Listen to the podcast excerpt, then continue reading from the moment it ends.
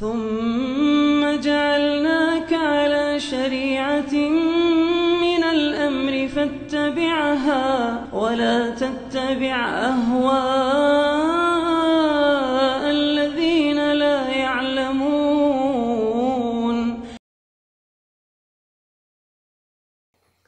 بسم الله الرحمن الرحيم. الحمد لله رب العالمين والصلاة والسلام على المبعوث رحمة للعالمين. نبينا محمد وعلى آله وصحبه ومن تبعهم بإحسان إلى يوم الدين أما بعد kaum muslimin dan muslimat para pendengar dan seluruh pemirsa yang menyaksikan acara ini Assalamualaikum warahmatullahi wabarakatuh ada sebuah hikmah besar dari puasa ini dan pokok yang diinginkan dari puasa. Namun dari hikmah tersebut ada hal yang terbesar tergantung di dalamnya yang banyak dilalaikan dan kadang kurang dicermati. Padahal itu adalah anugerah dan nikmat Allah yang terbesar.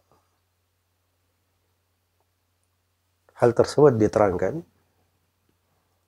dan bisa kita uraikan dari ayat yang merupakan kajian kita di sore hari ini. Ayat yang ke-38 dari surah Yusuf. Allah Subhanahu wa taala berfirman menjelaskan ucapan Nabi Yusuf menasihati orang-orang yang berada di penjara dan mengajak mereka kepada jalan yang lurus. Wattaba'tu millata abai Ibrahim wa Ishaq wa Yaqub. Ma kana lana an nusyrika billahi min syai' ذلك من فضل الله علينا وعلى الناس ولكن أكثر الناس لا يشكرون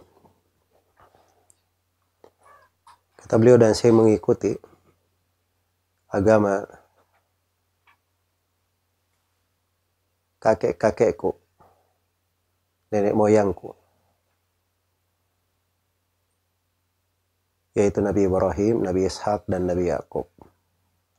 Itu garis keturunan Nabi Yusuf alaihissalam. Beliau seorang nabi, ayahnya nabi, kakeknya nabi. Dari keturunan para nabi. Kata beliau, saya mengikuti agama ayah-ayahku. Nabi Ibrahim, Nabi Ishak, dan Nabi Yakub. Agama mereka apa itu? Maka nalana an nusyrika billahi min syai. Tidaklah pantas bagi kami berbuat kesyirikan dalam hal apa pun. Kesyirikan kepada Allah tidaklah pantas kami berbuat kesyirikan kepada Allah dalam hal apa pun. Itu adalah keutamaan Allah atas kami, para nabi. Dan keutamaan Allah kepada seluruh manusia. Dalika min fadlillahi wa ala nasi, walakin aktharan nasi la yashkurun. Tapi kebanyakan manusia tidak bersyukur. memurnikan ibadah kepada Allah itu itu adalah nikmat yang terbesar. Nikmat yang teragung. Anugerah yang harusnya selalu kita syukuri. Subhanallah kadang seorang itu dia menangis. Mengenang jasa kedua orang tuanya kebaikannya. Apalagi kalau salah seorang dari kedua orang tuanya sudah meninggalkannya. Selalu tersentuh hatinya. Dan untuk jasa orang tuanya, kadang jiwanya tergugah supaya dia menjadi anak yang baik, bermanfaat untuk orang tua, agar supaya kesolehan dirinya bisa menjadi kebaikan untuk orang tuanya.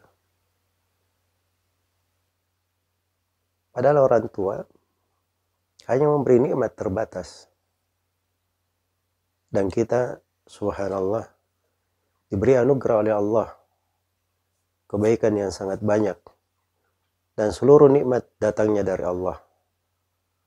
Dan di antara kebanyakan manusia kita dipilih menjadi orang-orang yang mengenal Islam, beragama dengan Islam. Di antara umat Islam, Allah menganugerahkan kita bisa melakukan ibadah-ibadah yang tidak semua orang bisa melakukannya seperti puasa di bulan Ramadan ini. Nikmat dan karunia Allah itu sangat banyak dan sangat besar. Karena itu nikmat yang teragung adalah memurnikan ibadah kepada Allah, tidak berbuat kesyirikan dalam bentuk apa pun. Itulah yang diterangkan oleh Nabi Yusuf alaihi salam di sini. Dan diterangkan di dalam Al-Quran di berbagai tempat. Di antara fokus pembahasan akan kesyukuran terhadap nikmat tauhid ini itu diterangkan di dalam surah An-Nahl. Surah An-Nahl ini disebut juga oleh para ulama dengan nama surah An-Ni'am. Surah yang menjelaskan tentang nikmat-nikmat. Dan nikmat yang paling pertama disinggung adalah nikmat tentang tauhid. Kata amrullahi fala tastajilu subhanahu wa ta'ala amma yusyrikun.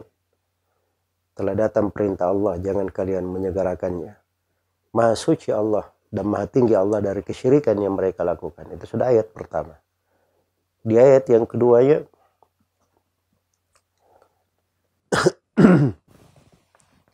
yunazzilul malaikata birruhi min amrihi ala man yasha'u min ibadih an anziru annahu la ilaha illa ana. Allah menurunkan malaikat Allah menurunkan perintahnya dibawa oleh Jibril disampaikan kepada para nabi yang dipilih agar supaya para nabi menyampaikan hendaknya kalian beribadah menyuruh mereka menyuruhkan kepada kaumnya hendaknya kalian beribadah hanya kepada Allah saja. Ya hendaknya kalian memperhatikan firman Allah jangan kalian beribadah kecuali hanya kepadaku dan hendaknya kalian bertakwa hanya kepadaku. Ini pokok yang terbesar dari nikmat nikmat yang pertama yang disebut di dalam surah yang agung ini. Memurnikan ibadah kepada Allah. Sebagaimana di dalam surah An-Nahl juga terdapat firman Allah, "Walaqad ba'atna fi kulli ummatin rasula an i'budullaha wa jatanibut tagut." Sungguh kami telah mengutus pada setiap umat seorang rasul agar supaya mereka menyuruhkan beribadahlah kalian kepada Allah dan jauhilah segala yang diibadahi selain daripada Allah. Iya. Maka ini adalah nikmat yang terbesar yang hendaknya selalu kita syukuri. Bagi orang yang berpuasa, dari pokok utama yang diinginkan dari hasil puasa adalah takwa. Ya ayuhalladzina amanu kutiba alaikumus siyamu kama kutiba alal ladzina min qablikum la'allakum tattaqun. Wahai orang-orang yang beriman, telah diwajibkan atas kalian berpuasa sebagaimana telah diwajibkan atas orang-orang sebelum kalian supaya kalian bertakwa. Ini orang-orang membahas tentang takwa dengan berbagai bentuknya, tapi jarang ada yang mengingat bahwa yang teragung di dalam takwa itu adalah la ilaha illallah adalah memurnikan ibadah hanya kepada Allah dan menjauhi segala yang diibadahi selain daripada Allah. Karena itu kalimat la ilaha illallah itu disebut dengan nama kalimat taqwa. Itu penamaan di dalam Al-Quran. Dia adalah kalimat takwa. Dan pada ayat yang saya bacakan tadi, ketika diutusnya para nabi dan para rasul untuk menyampaikan tidak ada yang berhak diibadahi kecuali Allah, iya, di akhir ayatnya dikatakan fattakun. Hanya kepadakulah kalian bertakwa. Semuanya mengarah kepada takwa dan itu pokok dari takwa. Tapi banyak dari orang yang berpuasa tidak merenungi makna ini. Padahal tauhid itu adalah sumber kebahagiaan.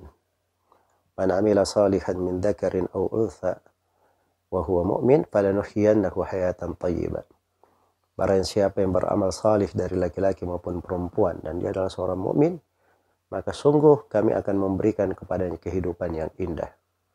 Iya. Maka ini adalah sebuah makna yang hendaknya selalu kita ingat dan selalu kita perhatikan. Dari ayat yang saya bacakan tadi, ayat surah Yusuf ini, kita bisa merenungi beberapa pelajaran yang terkandung di dalamnya. Yang pertama adalah tentang keutamaan tauhid.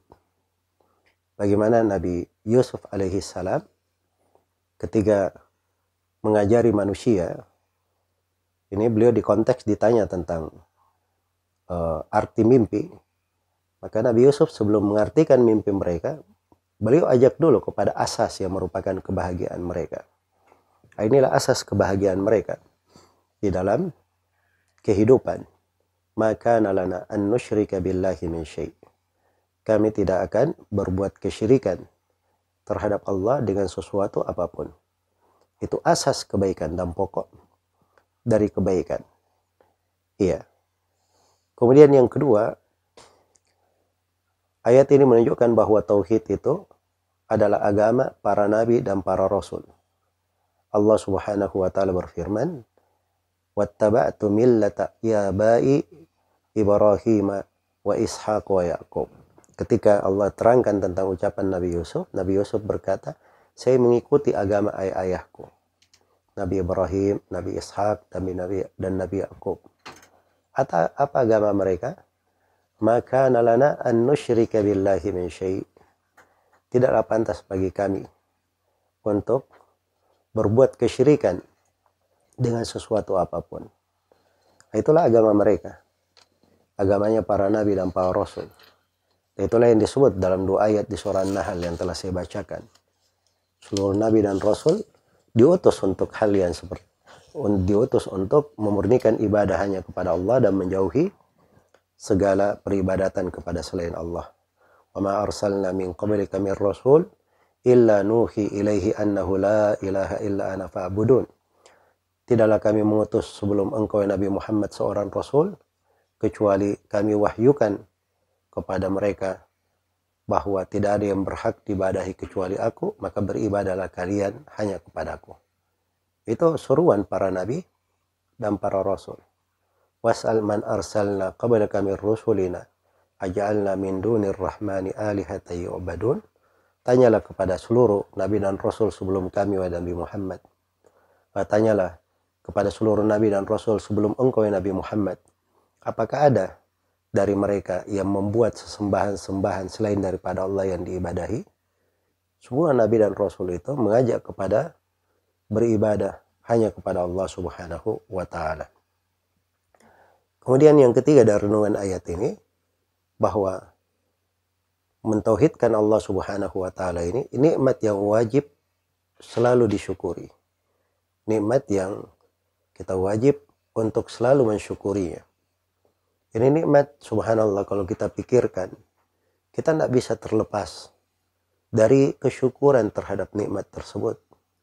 Anugerah Allah di dalam kehidupan dengan nikmat ini. Maka dia adalah nikmat yang wajib untuk selalu disyukuri. Dan ini renungan yang sangat mendalam sekali. Karena itulah apabila renungan ini mengena di hati, seorang ketika membaca ayat apa pun dari Al-Quran, itu pasti menyentuh dirinya, menyentuh jiwanya.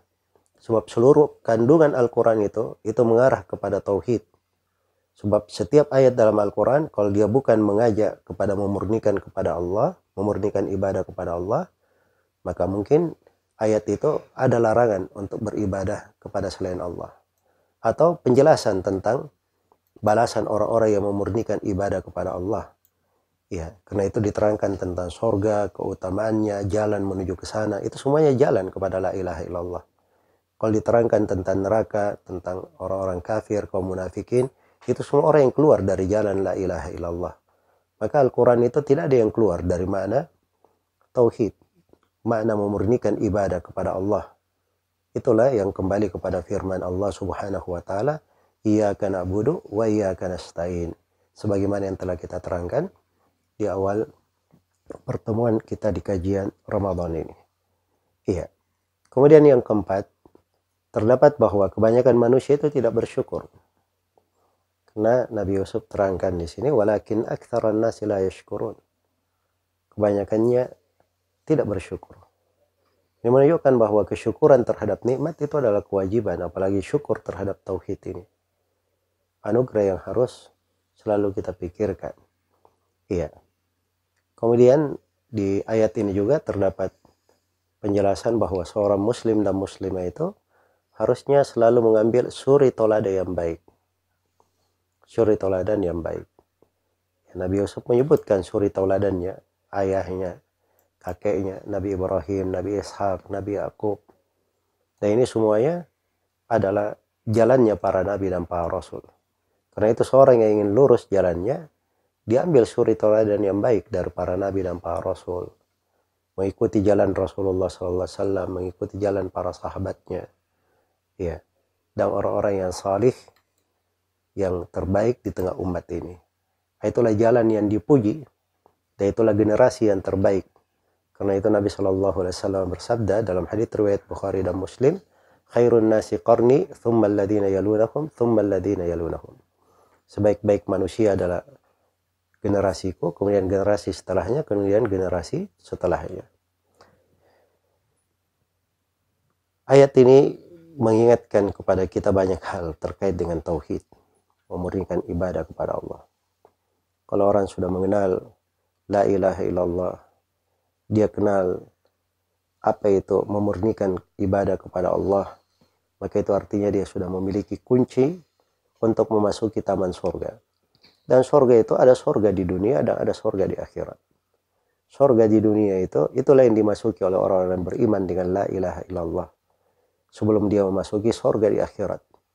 Karena dengan kemurnian ibadah kepada Allah Subhanahu wa taala semakin dia mempelajarinya semakin dia meluas di dalam mengamalkannya maka akan semakin tinggi tingkatannya di dalam mensucikan jiwanya di dalam mensucikan hatinya dan membangun jiwanya semoga Allah Subhanahu wa taala selalu memberikan kepada kita semua anugerah untuk memurnikan ibadah kepadanya, menjaga kita semua di atas Islam, di atas sunnah, di atas tauhid, dan menghindarkan kita semua dari segala hal yang dibenci.